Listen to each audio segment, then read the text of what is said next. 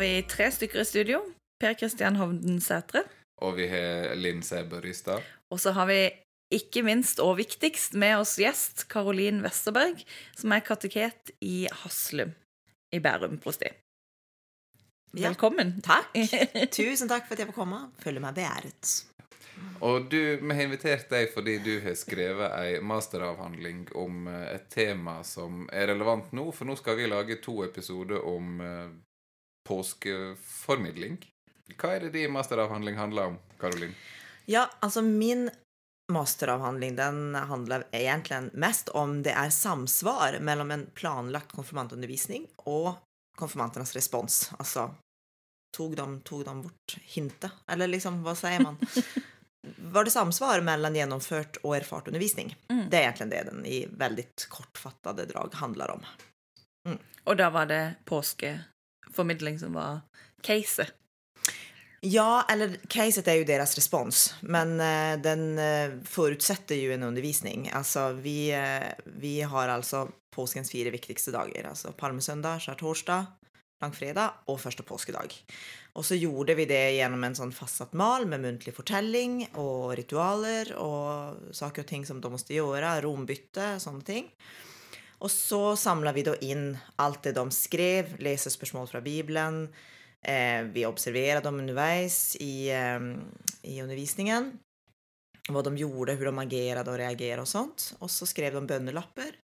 Og så, eh, och så fikk de en hjemmeoppgave, da.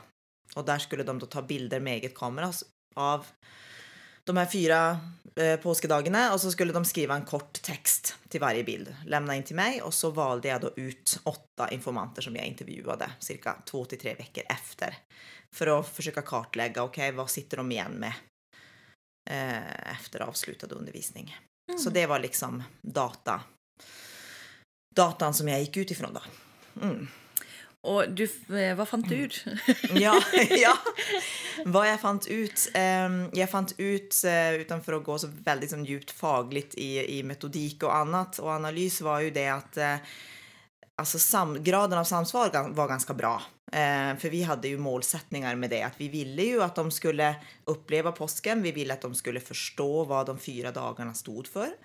Men vi ville också att de skulle liksom känna att påsken angick dem på ett vis. Att eh, det är inte bara något som hände för 2000 år sedan, men att det är aktuellt idag. Men att när vi klarade av att kommunicera påske, alltså påskefortellingen då, vi säger ju att det är påskefortellingen, inte bara styckat upp i fyra dagar. När den hade som mest samsvar med, tror jag, deras egen verklighet. Jag, jag pratar om påskefortellingens virkelighet och konfirmanternas virkelighet Och när det var när den på ett vis var aktualiserad som till exempel att Jesus var människa och kan liksom, han har lidit, han förstår hur du har det.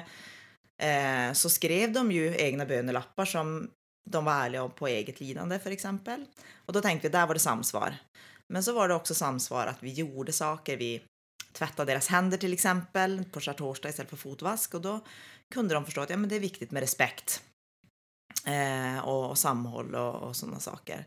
Och så var det også at når vi, når vi fortalte muntlig og utnatt Mm. så gav det veldig stort utslag også i det de satt igjen med efteråt. Altså at muntlig fortelling hadde veldig, veldig mye å si, da. I alle fall for deres hukommelse Mm. eh, efteråt. Så det, det kan man si at den påskefortellingens virkelighet når den ble kommunisert på de, spesielt de tre olika visen gjennom håndvask och lidende Gud Og, og gjennom muntlig fortelling så, så satt de igjen med ungefär det vi ville. Man kan jo si det. Ja, man er jo alltid normativ når man, Mm. når man underviser. Så, så var det vel det primært. Mm. Dette er veldig spennende, men hvordan hva er konfirmanttimene egentlig lagt opp, sånn konkret? Konkret så var det eh, tre undervisningstilfeller med cirka 20 konfirmanter i hver gruppe. Och så var det jeg og en prest som hadde undervisningen tillsammans. Det var 90 minutter. så 90 minutter ganger tre var det. Eh, og så tenkte vi at eh, påskefortellingen handler om, den går spänner fra palmesøndag fram til første påskedag. Eh, og så hadde vi da noen målsetninger. Vi ville at de skulle forstå innholdet i, i de fire dagene. Hva skjedde? Altså hva skjedde palmesøndag? Hva skjedde skjærtorsdag? Alt det där. Men så ville vi också att de skulle liksom erfara det gjennom å selv delta. Altså tenne lys, få hendene vasket, ha et stille minutt. Um, skrive bönelappar på langfredag. Altså at varje dag følte et fast mønster. Med fakta, altså input-teori. Eh, en fortelling, muntlig fortelling. Eh, og så leste de bibelteksten selv flere ganger og svarte på lesespørsmål. Eh, og så var det en sorts opplevelse, da. Altså en ting som skjedde, eller at de gikk over i et annet rom, eller ja. Så det var, det följde, Hver dag i påsken följde et fast mönster. Det er ganske mange nivåer av formidling. men dere både, altså det du kaller fakta, og også muntlig fortelling og bibeltekst. Mm. Også praksis. Også praksis. Også praksis, mm. Ja. Vi tenkte at det her var vi tänkte att det var en, en lösning både för att 90 minuter är en ganska lång undervisning så vi kunde inte bara sitta och liksom prata och liksom ha sån här kateketundervisning liksom att bara nu, nu är det det som gäller för det hade de inte orkat. Eh, och så har vi gjort det tidigare och vi ser att eh, det funkar. Alltså 90 minuterna går ganska fort för de byter rum. De får liksom jobba lite själv, lite i grupper, läsa, skriva. Eh, och det, har liksom, det er en form som, som funker, har vi sett erfaringsmessig.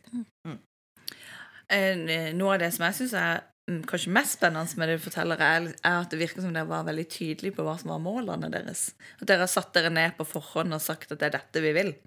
Mm. Eh, og så sier du at det har du sjekka ut Fikk vi det til?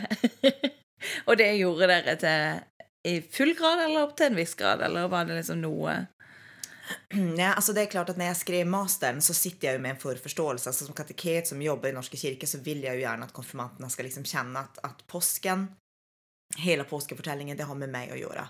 Det har med mitt liv å gjøre. Det kommer liksom med trosopplæring, livstolkning og, og, alt det der inn. At, man skal liksom, at det som stod opp, har med mitt liv å gjøre. Eh, og det forsøkte vi jo liksom få inn gjennom vi hadde jo eh, kontekstuell teologi eller frigjøringsteologi, som teologisk ramme da, rundt undervisningen. At liksom Jesus stod opp for at du skal være fri. Du skal være fri fra krav om å være vellykka, du skal være fri fra frykt og alt det der.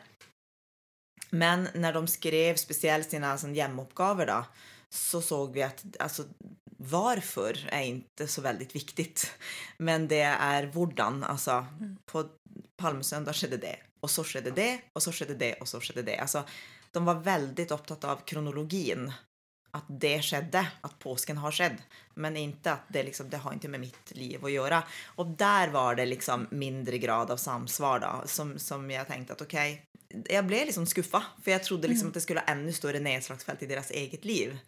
Eh, og det var det i viss grad. Eh, at eh, her er jeg med mine venner, og venner er viktige, og jeg vet at Jesus hadde venner som var viktige. Altså, men det var kanskje en oppgave av 70 liksom. Så Det er, det er kjempeinteressant. Det speiler jo det jeg har funnet i mine avhandlinger, eller i mitt empiriske materiale også. At eh, eh, barna som er intervjua, som er mellom syv og tolv, da, de, de har ikke nødvendigvis fått påskefortelling, men de husker veldig mye av undervisninga. Kan gjengi ganske mye. Men den koblinga over til at dette skal ha noe å bety for meg, den får de ikke til. Eller den skjønner de ikke at de skal gjøre i det hele tatt. Jeg prøver, å si, jeg prøver å teorisere om at de faktisk de vet ikke at det er det de skal gjøre når de hører på forkynnelse. Så det syns jeg er litt sånn fascinerende, da, at vi ofte vi, Og da sier jeg vi, for det her har jeg definitivt tatt som målsetting sjøl. At de skal være, oppleves relevant og eh, berøre og ha noe å si for de sitt liv. Den, eh, den får vi ikke til. Nei, og det er interessant, fordi at det å bare altså, ta bibeltekstene da, og prøve å forklare dem og si altså, hva er det som står her. Eh, Det er nå det vi gjør i undervisninga her på MF, når en lærer bibelfag. Altså Der en faktisk ganske, der en helt bevisst sier at denne her, hva er det for deg, det, det, det legger vi til side nå, og så ser man bare på hva som står i disse tekstene, og prøver å forklare det historisk. Og Det er noe samme tilnærming som en bruker på et litt annet nivå, men altså i KRLE-fag i skolen. Eh, Men så er det også det som sitter igjen etter at disse barna eller konfirmantene har vært på undervisning i kirka. Ja, altså Mine informanter sier jo faktisk opptil flere ganger at uh, det er kjedelig å høre på fortellingene fordi at vi lærer ingenting vi ikke kan fra KRLE-undervisninga fra før. Eh, og det er jo kjempeinteressant inn i en sånn diskusjon om hva skjer med KRLE-faget, og de lærer ingenting på skolen lenger, så derfor så må vi lære de noe i kirka, osv. Så, videre. så nå er det jo ikke representativt utvalg og generaliserbart og universelt, det jeg har funnet ut, men det er i hvert fall et innspill inn i den debatten, da, på eh, hva gjør kirka som er annerledes enn KRLE-timen? Og det virker jo som dere gjorde ganske mye som var annerledes. Ja, og jeg spurte jo mine informanter mm. vad, för jag lære, altså jeg gjorde sånne læringsbaner just fra KRLE mm. til till mm. eh, kirkens undervisning Og de fikk mye ny kunnskap. Eh, det som genererte mest kunnskap, var jo just skjærtorsdag. Derfor at der vasket vi hender. Altså mm. det var en sånn Jeg kaller det for en uventet fellesskapsbyggende handling där de fikk nye ok, men det handler liksom om solidaritet, det handler om respekt. Eh, så de sa at nej, men skärtorsdag visste vi inte så väldigt mycket om sen tidigare. Eh, och det var många, mycket ny kunskap som de hade fått. Eh, men då var det ju just den handlingen och så var det elementer från den muntliga fortellingen. Ja, var det en som sa, jag visste inte att de, at de fulgte etter en mann inn i et hus for å lage sånn påskemåltid. det visste jeg ikke fra før. Det har jeg ikke lært på skolen. Och det var ju, det var, kom från den muntliga fortellingen mm. Mm, mm. som hade satt sig. Och det var det många mm, pratade mycket om Maria Magdalena. Jag hörde det i hvert fall to ganger detta om Maria Magdalena. Och, och det hade de inte med sig från skolan.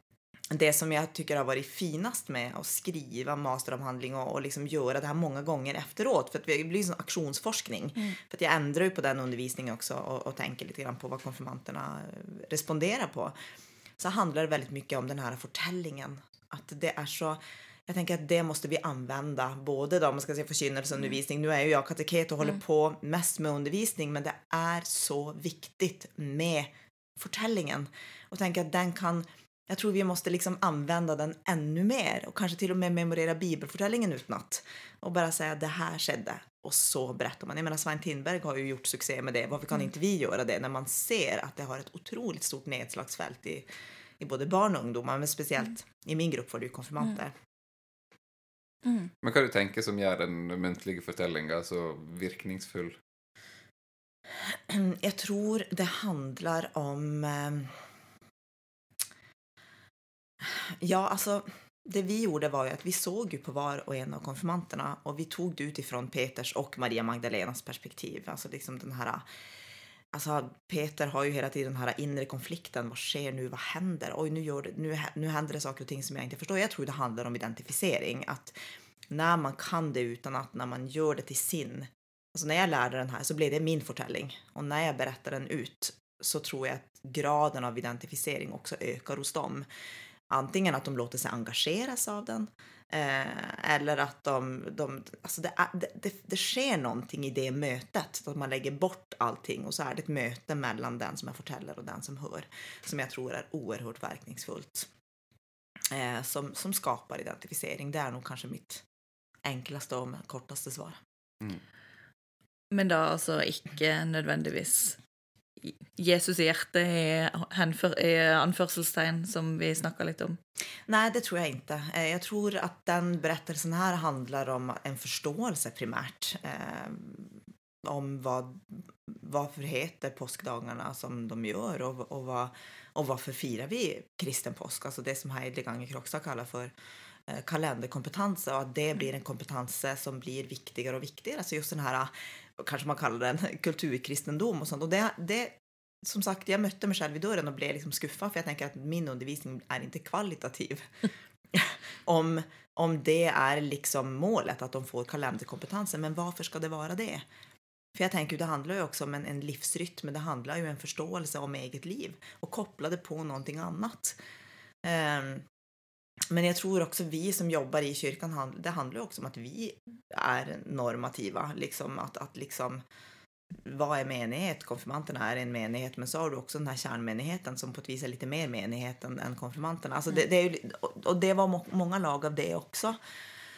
Um, men jag tänker, jag har väl landat på att jag tror det är det bästa jag i alla fall får till i den här omgången. Eh, kan de få med sig det?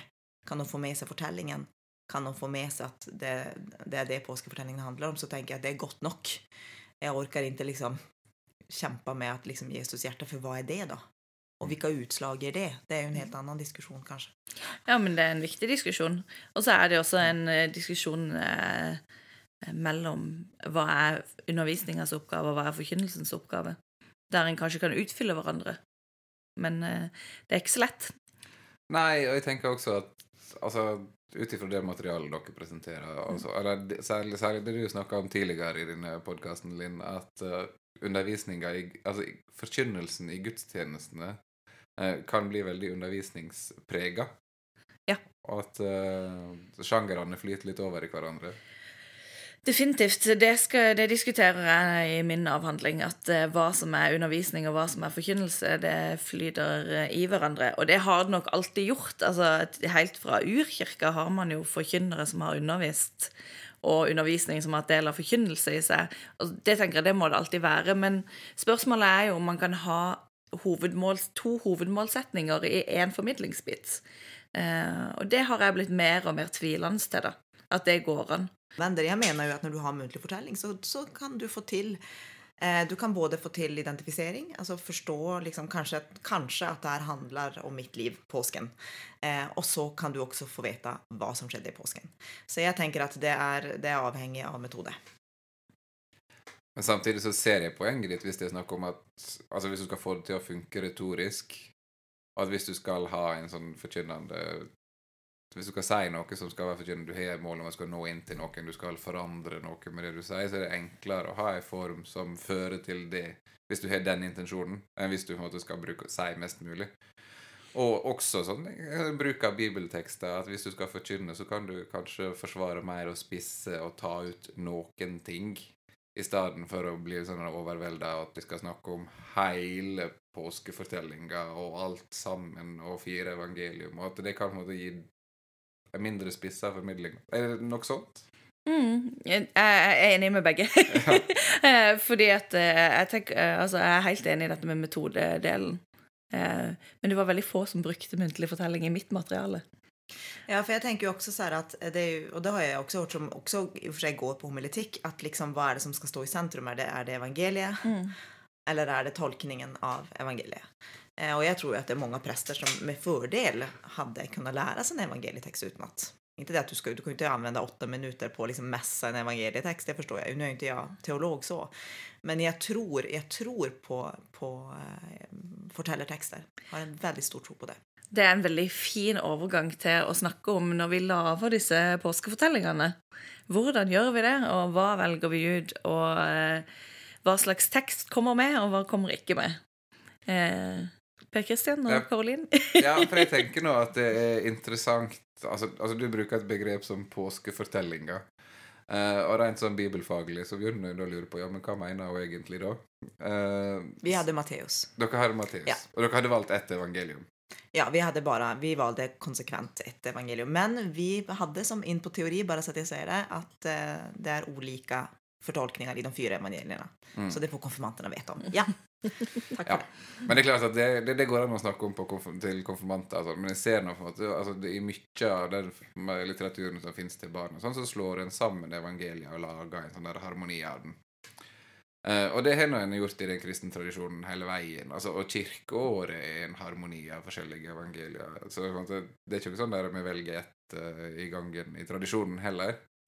Og så tenker jeg at sånn historisk så går nå på en måte alle fire evangelier går nå tilbake igjen til ei eller annen fortelling som de tar utgangspunkt i om det som historisk skjedde med Jesus eh, den gangen han ble korsfesta. Og så er nå evangelia også de fire forskjellige. De er nå det, det er variasjoner over samme, samme tema. Legge til noen ting, framheve noen ting, ta vekk noen ting. Uten at det, det trenger gjøre sånn som en gjort i forskninga. At å ja, men Johannes sier ingenting om nattverden akkurat i Johannes 13, så da vet ikke han om noe nattverd er for noe. De type slutningene har forsvunnet i forskninga fordi en ser at å ja, ja, men det her er det evangelistene som eh, improviserer over temaet og lager sine egne varianter. Så det, det vi egentlig snakker om nå, er at det kommer litt an på hvilken aldersgruppe barn du snakker til, på hvor tydelig du trenger å være på eh, disse fire forskjellige fortellingene og variantene av de. Eh, hvis vi ser i barnebibler, så er det vel ofte slått sammen alt mulig. Ja. uten å si så mye om hvor det kommer fra. Eh, og det ene stedet som vi observerte i eh, Forkynnelse for små og store-prosjektet, da brukte de barnebibel som tekstlesning i, når de skulle ha påskevandring. Så da leste de ikke fra Bibelen, de leste fra barnebibelen. Og det er jo sånn eh, Jeg skjønner veldig godt det grepet, fordi at det var småbarn, de var seks år, seks-syv år. Men allikevel så er det liksom teologen i meg stritter litt imot at eh, de skal få eh, en barnebibel-standardisert påskefortelling uten å få vite så mye mer enn det. Ja, for det å skrive en barnebibel, eller det å lage en muntlig fortelling, det er noe, det er en aktiv teksttolkning. Eh, Så det er en fe, det er en fe når da jeg, måte tolker tekst som utgangspunktet. Det er noe med, Teologisk er det noe med at skal, menigheter ha tilgang til Bibelen sånn som kirka har brukt den? Eller skal du legge et lag med tolkning imellom? Da er det jo veldig spennende at dere gjorde begge deler. Ja, alltså vi hade ju aldrig haft bara en tolkning. Eh, så vi tänkte att vi safear lite grann för att eh, man hade ju säkert kunnat berätta bibeltexterna men när de skulle, det är ganska långa textsekvenser det första. Eh, speciellt skärtorsdagen är väldigt lång. Eh, och, och så är det också det att när du ska klara av att skapa det här engagemanget eh, så handlar det, så är det underlättare att ha en huvudperson. Eh, og man hadde jo Altså, Jesus kan man jo sikkert gjerne men da, da blir det sånn "Åh, jeg jag, liksom, skal jeg liksom tolke Jesus, hva Jesus tenkte? Og da var det veldig enkelt å ta Eivind Skeies Peters påske. Men vi endrer jo det også. Jeg har jo liksom gått noen sorts fortellerkurser, så jeg vet jo liksom hva man skal gjøre om eh, fortellingen skal funke. Og det handler om å alltid legge den i fortid. Eh, å ha noen sånne här element, at det er en tydelig, altså en tydelig sånn, rød tråd i fortellingen, at det er noe som driver det framåt. Så gikk de dit og så gjorde de det og så gjorde de det. Og påskefortellingen er jo fullt av sånt. Det er fullt av, så gjorde de det og så skjedde det. Det er jo masse drama. Eh, det som kanskje er svagheten med Skeies text er at det blir veldig mye sånn indre tanke. At, at, Peter liksom eh, har en sånn indre konflikt om hva som er meningen med alt det Jesus gjør. Men i og med at det er så korta sekvenser så funkar det på ett vis. Eh, och det är väldigt sån tydliga bilder för du måste ha rikt bildspråk i en fortelling för att klara av att skapa det här engagemanget hos den som lyssnar. Och det tror jag vi klarar på ett vis. Eh, och sen den sista gjorde ju jag och där var det ju massa tolkning. För först är det Maria Magdalena som kommer och Jesus kommer och hon känner inte igen honom och tårarna trillar. Och det är massa tolkning. Men den sista texten den har jag tagit från när det Johannes 21. Alltså när Jesus visar sig vid Tiberiassjön. Så Ja, den, for da brukte du den. Ja, då brukte jag den. Alltså det var, jag gick jag väldigt tätt på Bibelfortellingen. Eh, så, att, så det är klart att, att eh, men alltså, vi hade ju aldrig bara gjort det, för vi visste att efter den fortellingen så ska de läsa Matteus-texten själv. Eh, och det var väldigt viktigt för oss att, att det, båda de två fortellingene fick plats. Og så til konfirmanter så tenker jeg at det er jo kjempespennende. Altså å gjøre begge deler. Ja. Fordi at da får de også Da får de bibelteksten, som eh, teologene kanskje og bibelforskerne gjerne vil ha. Og så får de også eh, hjelp til å identifisere seg da, gjennom den muntlige fortellinga. Og det er nok den gamle kirkelige bibel, altså praksisen med bibelbruk. At du har, på den ene siden så har du disse tekstene som ligger der, og så, det, og så det, følger det alltid en eller annen form for tolkning med. Men at den har begge deler. Mm. Og jeg tenker med, barne, Når vi bruker barnebibel og sånn, så får du egentlig bare én av dem. Ja. Uh, men at ting fungerer sånn. Men det, det er morsomt det du sier om, altså om den fortell, sammenhengende fortellinga med den driven og sånn. For rent litterært så er det lidelsesfortellingene i evangeliet som er den lengste fortellinga, sammenhengende fortellinga. Altså, de fleste andre Jesus-fortellingene i evangeliet er ganske korte. Det er litt sånn Jesus og disiplene dukker opp, ett under, folket ser at det var fint, og så går Jesus. til et stille sted for å be. Ja, til et stille sted for å be. Ja, men altså, eller, eller han går videre til neste. Altså, men, men, men det tar liksom bare 8-10-12 vers, kanskje litt lenger hvis han krangler med noen på veien. Men så kommer du til, så kommer du til påska, og da har du lidelsesfortellinga som varer iallfall et par kapittel da, i hvert evangelium. Og det er klart, da, blir det mye. Og der er mange sånne undertråder, så det er interessant at det går an å velge ut ved å bruke Matteus og ta Peter der. Hvordan ser dette ut? Mm. Uh, og en annen ting er nå at evangeliet er nå Jeg skjønner godt at dere ikke går, går går rett på Jesus og forteller det fra Jesus' perspektiv, for det gjør ikke evangeliet heller. Det er veldig mange vitner som ser Jesus, eh, og så er det i liten grad uh, i Jesu perspektiv. For vi har jo ikke noe autobiografi fra Jesus. Nei, nei. Nei. Og det noe- altså Evangelistene snakker om at de baserer seg eller Lukas gjør fall, at de baserer seg på øyevitneskildringer. At de skriver det sånn som noen så det. Og det er nå på en måte det er kirka sitt perspektiv, og det er evangeliet sitt perspektiv, og dette er noen som har sett en gang. Mm. Og så fortsetter man bare det perspektivet da inn i undervisninga nå. Ja. Mm. Altså, jeg tenker sånn, altså I måten å jobbe med disse her, med jobbe med disse fortellingene Det er ikke så stor forskjell på det evangelistene gjorde den, altså, den gangen de, tek, de tekstene ble til, eh, og det en gjør når en skal lage en muntlig fortelling i dag.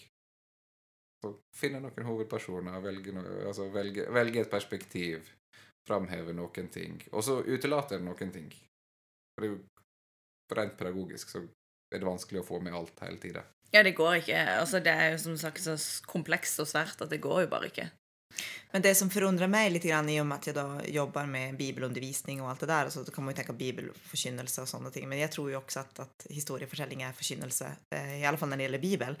Eh, jag tycker jo det underlig underligt att eh, folk tänker, alltså folk inte vågar liksom vila i de bibelfortällingarna som finns. Varför inte liksom våga berätta hela lidelseshistorien? Alltså göra det till en grej, att man lär sig den utan och berättar den, för det är oerhört effektivt. Jag tror att det ligger väldigt, väldigt mycket bra just där. Men jag möter ju många som bara, ah, ska jag lära mig den här försäljningen utan att, uh. Och så är det liksom så här, så krävande för folk då. Men jag tror ju att eh, är det något både kyrkliga pedagoger och präster borde göra mer av, nu är jag lite normativ, men i och med att det, det var så otroligt gott gensvar hos konfirmanterna på just muntlig förtäljning, att jag tror att, att, bi- att kyrkofolk borde göra det i större grad. Alltså, och också för all del gå direkt till, kyl- till kilden och liksom se på, på evangelietexter som är så otroligt fina, massa bildspråk, massa god handling, komprimerad handling som man kan bygga ut eller som man inte bygger ut eller och bara lära sig historien utan att si den fram. Det tror jag hade gett eh, ganska type typ av annat mottagande då, alltså mycket större grad av identifikation. Men det är ju som sagt, det kan hända att det är många oeniga med mig, men jag tycker det är synd att man inte gör det i större grad. Ja, men du har etter hvert mer og mer empirisk forskning som underbygger deg, den påstanden din. Eh, eksempel i dette Forkynnelse for små og store prosjektet. Eh, Der vi ser på forkynnelse ikke bare til små, men i gudstjeneste der det er små og store samtidig. Da er det den, det stedet der de kun forteller fortelling. Altså kun muntlig fortelling. Ikke noe liksom ekstra preken i anførselstegn på slutten av fortellinga. Det er der både Olga på 90 og Anna på 10 snakker om at eh, det var så spennende å se den. eh, Jeg fikk så mye nytt. Eh, For eksempel, det er Sakkeus, da, og da hun, hun gamle dama sier at ja, det der at de så på han med liksom om sinte øyne, det har jeg ikke tenkt på før. At liksom folkemengden faktisk var sint. Og så også disse tiåringene som snakker om hvor spennende det var, og hvor rar Jesus egentlig er. Og, altså, så det, jeg tror eh, som sagt at det blir mer og mer empirisk forskning som underbygger det at fortellinger i seg sjøl, det er ganske virkningsfullt. Eh, og at vi kanskje kan slutte med disse her eh, meninger med denne fortellinga jeg har hatt. ja, ja. Ja. Exakt. Ja, for det er noe, altså, jeg tenker I den, eh, altså, i kirkelig praksis så er nå det altså langfredagen som har hele denne her lange lidelseshistorien som lesning. Altså, Jeg har nå hørt folk som snakker om at nei, det var for at Jesus leid, så da skal vi lide oss gjennom denne teksten. Altså, fordi at mye tekst blir oppfatta som, altså, blir som tungt. da. Mm. Eh, men det trenger ikke nødvendigvis å være det, sånn som du sier, Karolin. Eh, men det krever, det krever vel litt forberedelser da, til langfredag i tilfelle. Ja, og eh, hvor mye skal en gjøre ut av langfredag til barn, da? Det får vi se på. Jeg tror vi runder av denne første episoden om påskevandringer og påskeforkynning. Eh, og så eh, kommer vi tilbake igjen med en ny episode veldig snart. Eh, der vi går gjennom de fire dagene i påskefortellinga. Da høres vi veldig snart. Ha det bra. Ha det godt. Ehm.